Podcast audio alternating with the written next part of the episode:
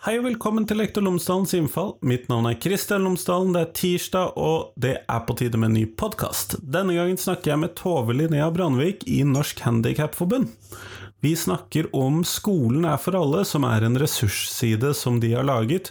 Vi snakker om eh, hvorfor det er viktig med universell utforming. Vi snakker om eh, funksjonsvariasjoner i skolen. Vi snakker om tilgang til skolen for foreldre og elever, for lærere. Eh, vi snakker om nettsiden Skolen er for alle, osv. Sånn her er det mye nyttig informasjon frem mot skolestart, så send kanskje denne til en rektor hvis du innser at uh, skolen vår ikke helt holder mål. Det tror jeg kan være nyttig. Men i hvert fall, podkasten er som alltid sponset av uh, Cappelen Dam Utdanning, og hvis du går inn på skolen.cdu.no, så finner du alle de ressursene, oppleggene, Eh, undervisningsmateriellet som Cappelen Dam Utdanning har laget i forbindelse med fagfornyelsen i grunnskolen. Alt sammen der. Alle årstrinn, alle temaer, alle tverrfaglige emner, alt sammen. Alle fag, selvfølgelig. Det finner du på skolen.cdu.no. Og hvis du da går inn der, så oppdager du kanskje at skolen din allerede har betalt for tilgang, for det har en del kommuner gjort. Eller så kan du ta en sånn prøveordning, så får du testet ut hvordan det er. Men i hvert fall, her får du intervju med Tove Linnea Brandvik. Vær så god.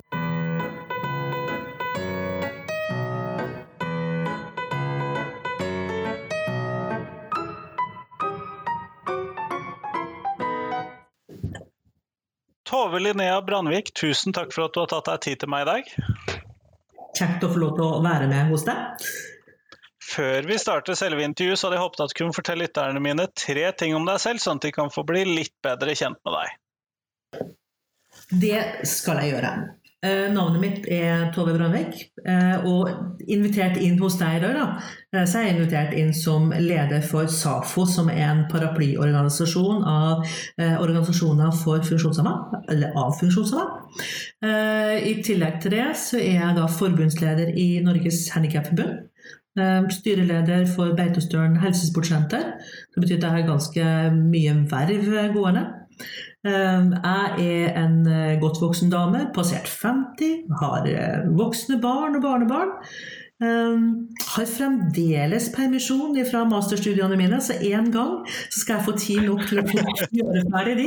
Foreløpig så får jeg bare nøye meg med å være sånn halvferdig med studiene og komme gjennom en master. En master som um, sikkert praktisk er utdannet økonom, eh, men har grovt sett aldri jobba med økonomi. Jeg jobba med alt mulig annet. Snek meg innom litt undervisning og vært litt senterdel for kjøpesenter. Men hovedsakelig så har jeg drevet med politikk og påvirkningsarbeid. Interessant. Eh, grunnen til at jeg tok kontakt med dere i SAFO, er fordi at dere har laget en nettside som heter 'Skolen er for alle'. Og kunne du ha fortalt hva er dette for noe? Du, det er en nettside som er en oppsummering av hva vi så det var behov for i samfunnet.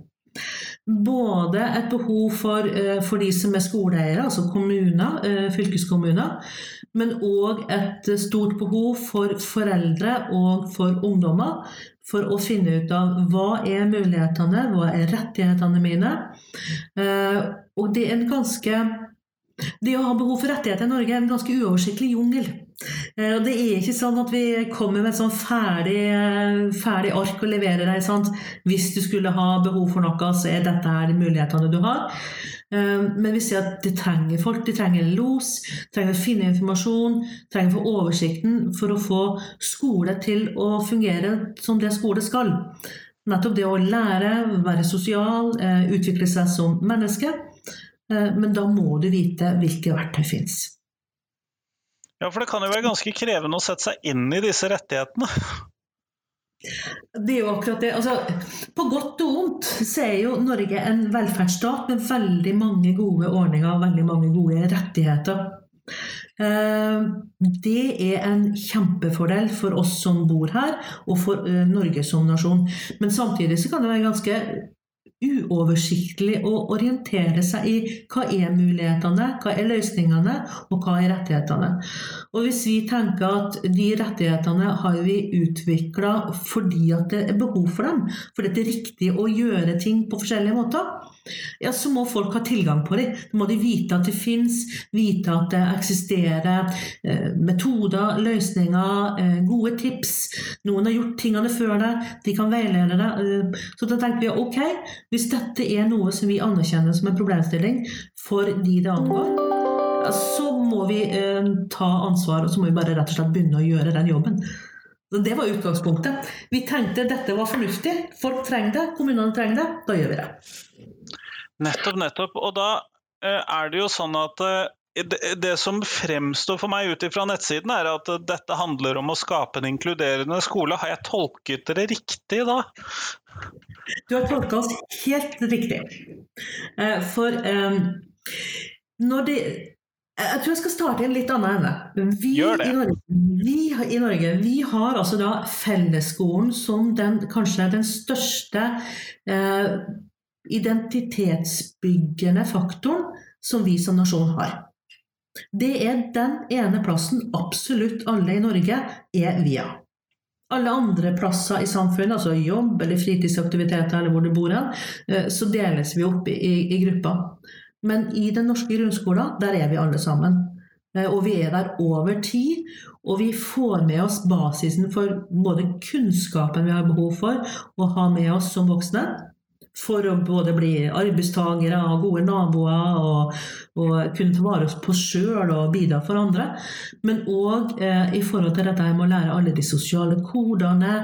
Eh, hvordan forholder vi oss i et samfunn? Hvilke typer spilleregler fins? Eh, så fordi at skolen er så til de grader kjernen i det norske samfunnet, så må vi ha en skole som rommer alle. For samfunnet er nå engang sånn at vi er mangfoldige. Eh, vi er, noen er korte, noen er lange, noen er runde, noen er tynne, noen er mørke, noen er lyse. Altså, mangfoldet i den norske befolkninga er jo stort. Og hvis skolen skal være for alle, så må den òg gi rom for at alle sammen både får bruke kunnskapen sin, får kunnskapen de trenger, og blir definert som en naturlig del av det norske samfunnet. Så derfor, altså, det, det er så grunnleggende viktig at der vi dannes som norske innbyggere, der må det være rom for alle og muligheter for alle. På like vilkår. Og da blir skolen viktig, det skjønner jeg.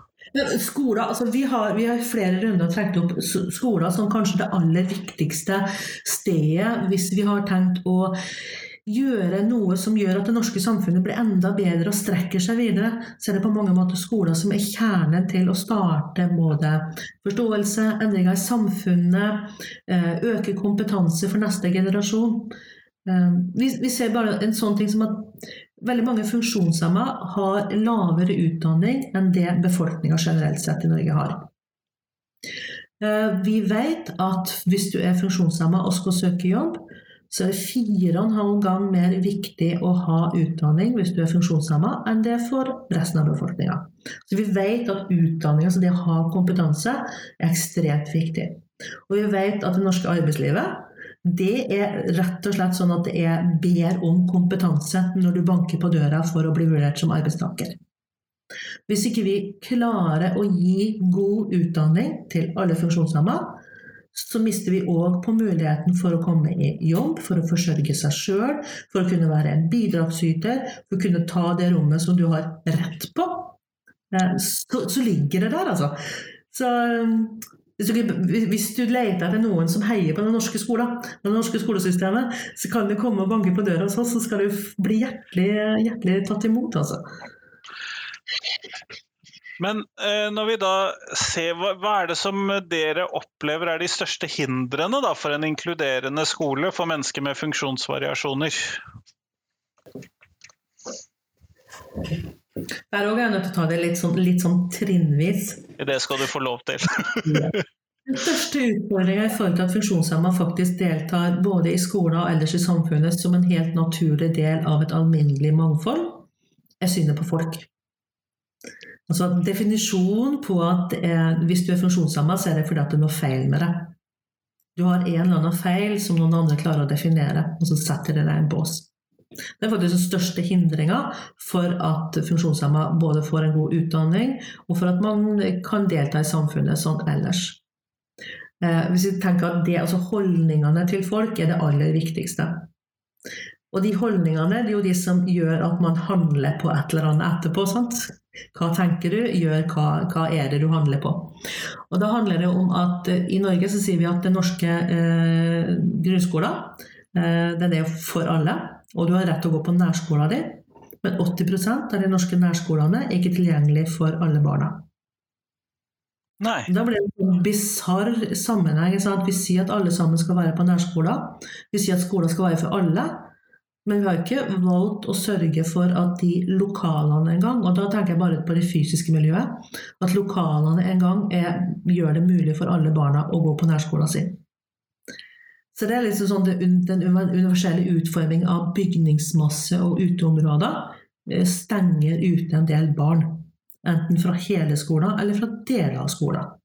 Og det er veldig dumt å kunne ha tilgang for, eh, til bare førsteetasjen på skolen din, hvis klassene, eh, som veldig mange skoler gjør, du flytter oppover etasjene alt etter alder.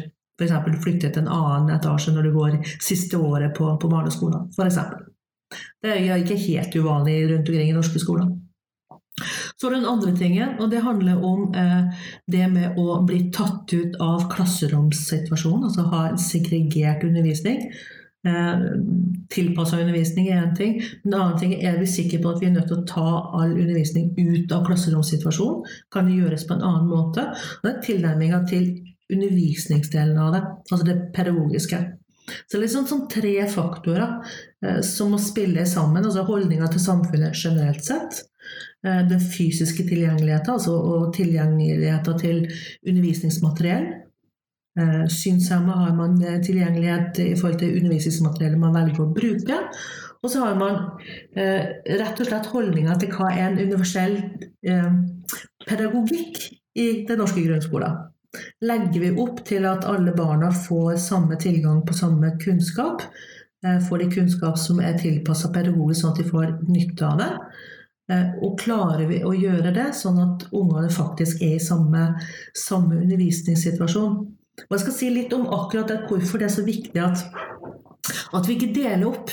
At vi ikke har oppdelte grupper, segregerte løsninger. Og jeg velger å bruke segregerte, for det er ikke alltid at det er nødvendig å, å dele opp. Derfor bruker jeg litt sånn ubehagelige ordet segregasjon. Eh, men alle de klassekameratene til de som har gått ut av klasserommet fordi at det var noe i feil med de, så de måtte få undervisning på en annen måte enn andre. Så har vi etablert en sannhet om at de er annerledes, det er noe feil med de, de går vekk fra fellesskapet. De kommer på et eller annet tidspunkt til å være naboene, potensiell arbeidsgiver, potensiell kjæreste, Altså Alle de rollene i samfunnet når vi er ferdig med skolen, kommer de klassekameratene til å være i. Tror du at de tenker at funksjonshemma er en helt naturlig del av ethvert eh, samfunn og en del av et naturlig fellesskap, hvis man har lært allerede på barneskolen at sånne som de gjør noe annet enn det vi gjør? Jeg, jeg tolker deg jo litt retorisk der, så nei. Jeg var nok litt med vilje at jeg la litt sånn retorisk eh, rekkefølge her. Nei, men det er noe med sant, den ekstremt store funksjonen. For jeg starta med sant, hvilken type betydning har den norske grunnskolen? Utover det å lære kunnskap som matte, lesing, så har den ekstremt sterke funksjoner i hvordan vi definerer eh, det norske samfunnet. Hvordan skal det være? Altså sannheten om hva som er riktig og galt Eh, formes veldig tydelig i hva man opplever når man er i skolesituasjonen. Fordi at der er vi hele gjengen. Nettopp, nettopp. Og det, eh, det, fremstår jo som litt selvsagt når du forteller dette her, at eh, vi er nødt til å inkludere elevene i selv der hvor de har ting eh, ved seg som gjør at det er vanskeligere for dem å bidra, så er det kanskje vi som lærere som må gjøre de forandringene, heller enn at vi skal forandre på elevene. Jeg har ikke tenkt å late som at det er kjempeenkelt. eh, og det kommer til å være Altså, vi kommer til å ha Barn lærer ulikt. Eh, men det er ikke sånn at du kan sette definisjon på at det funksjonshemma barn lærer annerledes enn andre barn. Altså Barn lærer ulikt, har ulike behov for å kunne ta imot kunnskap og eh, bruke kunnskapen til noe fornuftig. Men jeg tror nok at historien vår Vi har veldig lang tradisjon for å ha Vi har spesialpedagogikk for de ungene med spesielle behov. Altså bare, bare, ordene vi har valgt å bruke om hva vi gjør for at barn skal kunne lære, forteller at vi har definert dem som noe annerledes enn oss eh, på det jevne. Eh, så jeg tror nok at det er mye å hente på i norsk skole på å gjøre det mer reelt inkluderende. Og det, det vi virkelig håper, er at den norske skolen tar har lyst til å være med på den samfunnsbygginga som vi trenger som samfunn. Rett og slett å sørge for at det at vi er ulike, vi er en mangfoldig befolkning, vi har ulik kompetanse og ulike behov, at det er det vanlige. Altså, går vi tilbake i tid, så, så, uh, Vi har hatt institusjoner, dessverre altfor mange institusjoner fremdeles.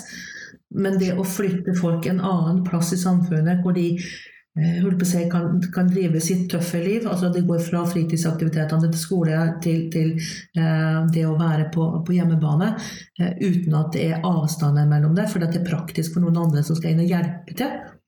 Altså bare Tankegangen på at det er lurt, er ganske skummelt. Og skal vi bryte det, så må vi ha den forståelsen fra ungene er helt små. Du ser det ganske tydelig i barnehagealder veldig få unger i barnehagen som vet at det er noe galt med en som bruker rullestol. Eh, de som bruker rullestol, de bare triller, mens noen andre barn går. Altså, de oppfatter det ikke, definerer det ikke som annerledes eller rart. Den erkjennelsen kommer mye seinere.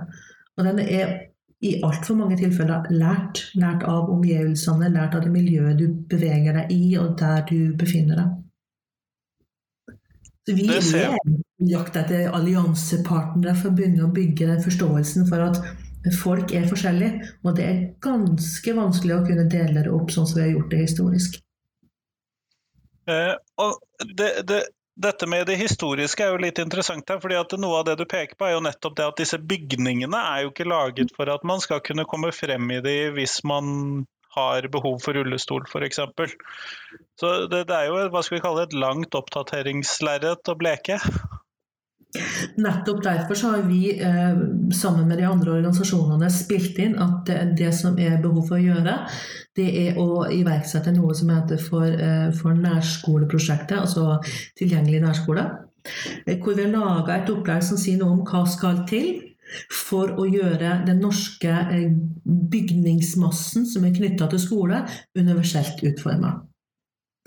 Eh, for jeg tenker, vi, er nødt til å gjøre noe, altså Det er ulike ting som må gjøres på ulike arenaer. Noe er de fysiske omgivelsene. Eh, og Der har vi laga et forslag til regjeringa som de kan velge å bruke. Vi har fått Bufdir med til å lage prosjektplanene Nettopp for å si noe om hva de skal gjøre. Og bare for sånn skolemessig, Fryktelig mange skoler er jo veldig gamle. Det vet vi jo. Det er jo gamle bygninger bygd for en annen, annen verden, en annen måte å undervise på òg. Men de har jo samtidig ikke bare undervist, men det er jo fritidsaktivitetene der. Altså det har vært eh, samlingsplassen for eh, bygdene rundt omkring i Norge. Det har vært aktiviteter, foredrag, politiske partier hatt sine møter der. Altså det har en veldig stor, Bygningen i seg selv har en veldig stor samfunnsrolle alene. Og det handler om barna, det handler om søsken til barn som går på den skolen, det handler om foreldre til barna. For min del sant, å skulle følge opp mine barn. Eh, heldigvis så var nærskolen til mine barn var tilgjengelig. Hadde det ikke vært det, så ville ikke jeg kunne stilt på foreldremøter, dugnadskvelder, fordi at jeg satt i rullestol. Eh, når mine barn begynte i barnehagen, så måtte de bygge rampe inn så jeg kunne levere dem på morgenkvisten. Så det er noe med sånn eh, Hvis du ikke har det, så tar du bort veldig mange samfunnsfunksjoner som vi ikke har reflektert over tidligere.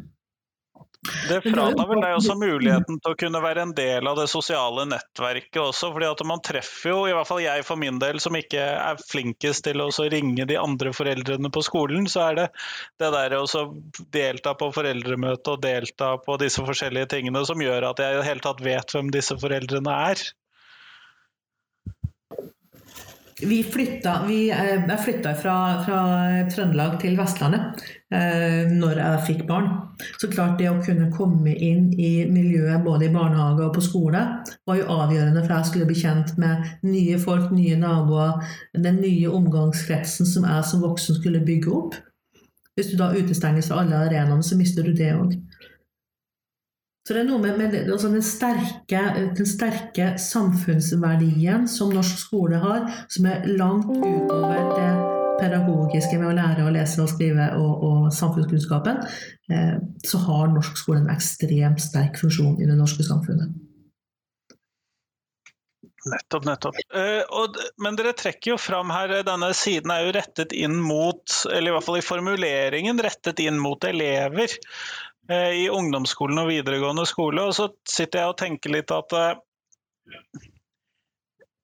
det burde jo ikke være deres ansvar å sørge for at deres rettigheter ble oppfylt. Det burde ikke være det. Det burde ikke være et behov for at vi hadde organisasjoner som ivaretok funksjonshemmede sine rettigheter i Norge heller. Eh, men, men, sånn er ikke Norge eh, riktig ennå. Jeg tror vi kommer til å være en bruk for oss en stund til.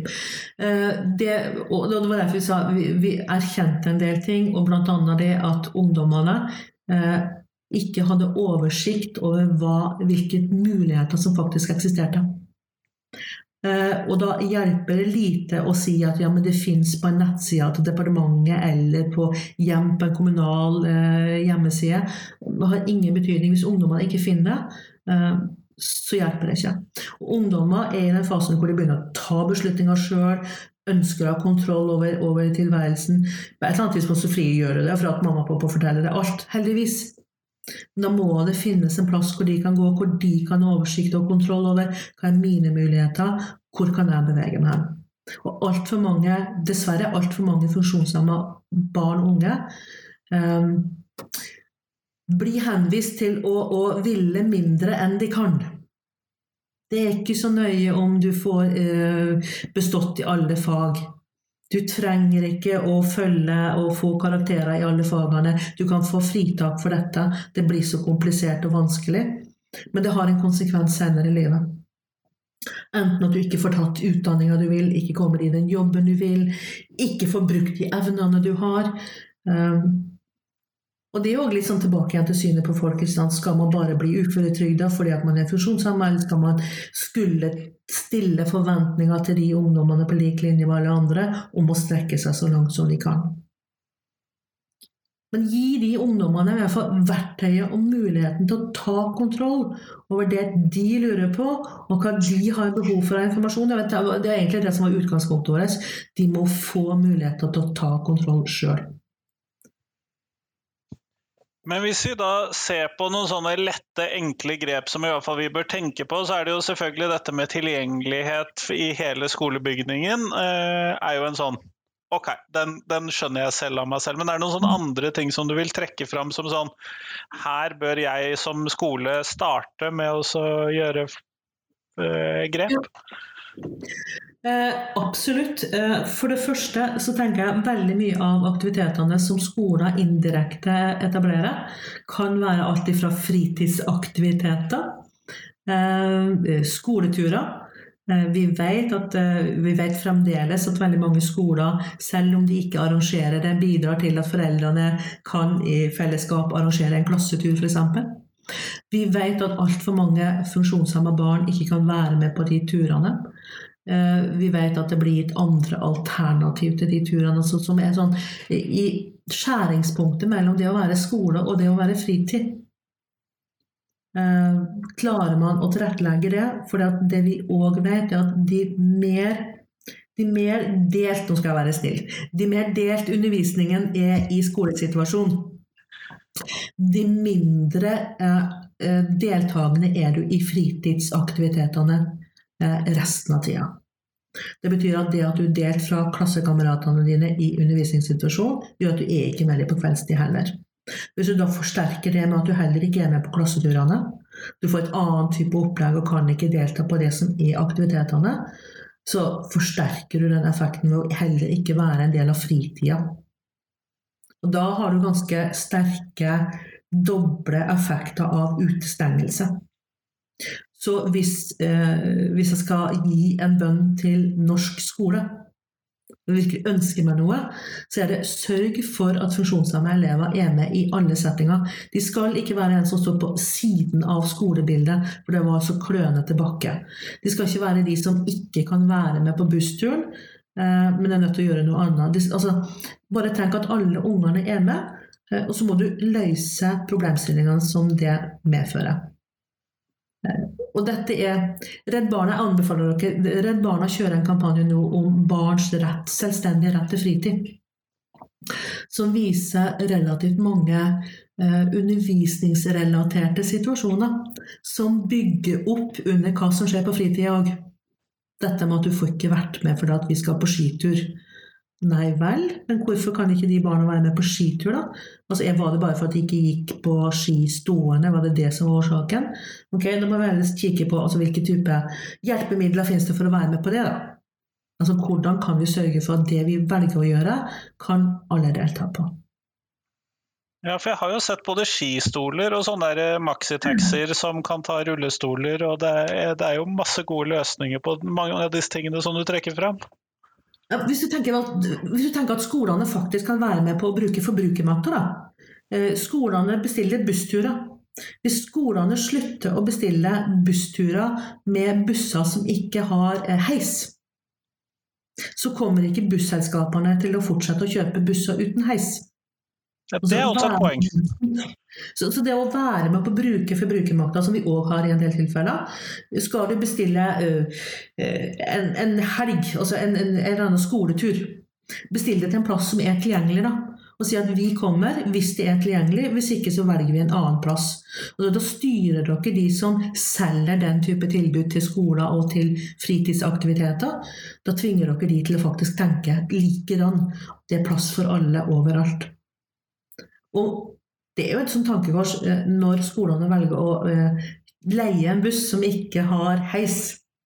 Så velger vi å bruke offentlige midler på å eh, løse noe for en liten gruppe elever, men ikke for alle elevene. Så det er sånn, tenker, sånn, Forpliktelsen vi har overfor samfunnet når vi faktisk utøver oppgavene, den er ganske sterk, den òg.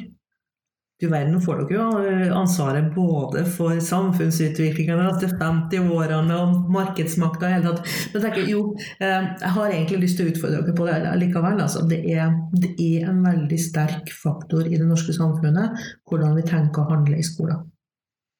Eh, jeg oppfatter jo ikke at du gir oss ansvaret der, jeg oppfatter at du kanskje minner oss på det. Jeg, tror, ja, jeg, minner dere på det, men jeg tror òg jeg ønsker å, å, pirke litt på lenger. For vi ser dessverre, dessverre, fordi at vi sitter i de rollene vi gjør, får vi veldig mye informasjon inn. Vi ser dessverre at dette svikter altfor ofte. Og altfor ofte helt unødvendig. Kjempeflott. Eh, Tove, vi går mot slutten av podkastintervjuet, og da skal jeg stille deg det spørsmålet som jeg stiller alle jeg intervjuer. Og hva er de tre viktigste tingene skolen lærer elevene?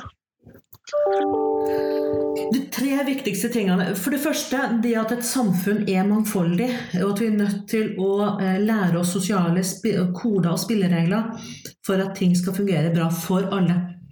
Altså den sosiale tilhørigheten, eh, rett og galt. Og det, og det har skolen drevet med lenge.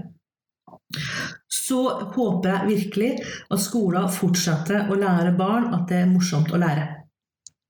Det viktigste skolen gjør, er jo å få folk til å lære seg å lære. Eh, for det er så begrensa hva vi rekker å gjøre på de årene de er i grunnskolen, eh, at de er nødt til å ha det som verktøy videre. Vi vet at det å fortsette å lære og øke sannsynligheten for at du beholder jobben din, eh, for det øker sannsynligheten for at du får en god alderdom. Altså, det er så mange sånne indirekte effekter utover bare det at du hadde riktig karakter når du gikk ut. Og så håper jeg at eh, skolen fortsetter å lære at du har ansvar for hverandre. Altså dette fellesansvaret for å komme i mål med noe. Opplever at skolen har tatt mye, mye ansvar fra det tidligere òg, men forsterk det gjerne. Bl.a. blant annet eh, den digitale bevisstheten vi er nødt til å lære ungene, som ikke vi trengte å lære når vi var små. Handler jo òg om spilleregler og oppførsel mellom folk. Kjempeflott. Tusen takk for at du tok deg tid til meg i dag, Tove. Ja, veldig kjekt å få lov til å være med.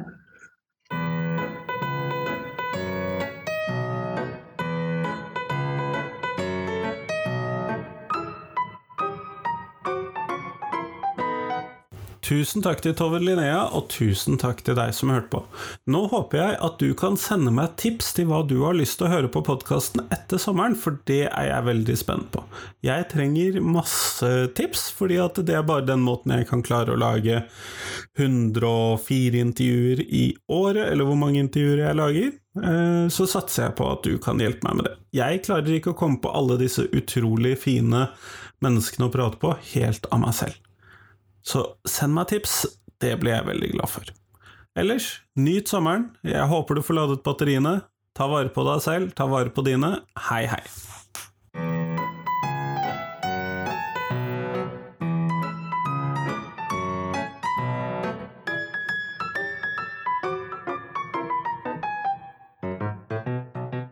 Jeg trenger tips ikke bare om mennesker jeg skal intervjue, men også om temaene jeg skal intervjue folk om. Så send meg gjerne tips til et tema. Da trenger du ikke nødvendigvis ha tenkt ut hvem jeg bør intervjue.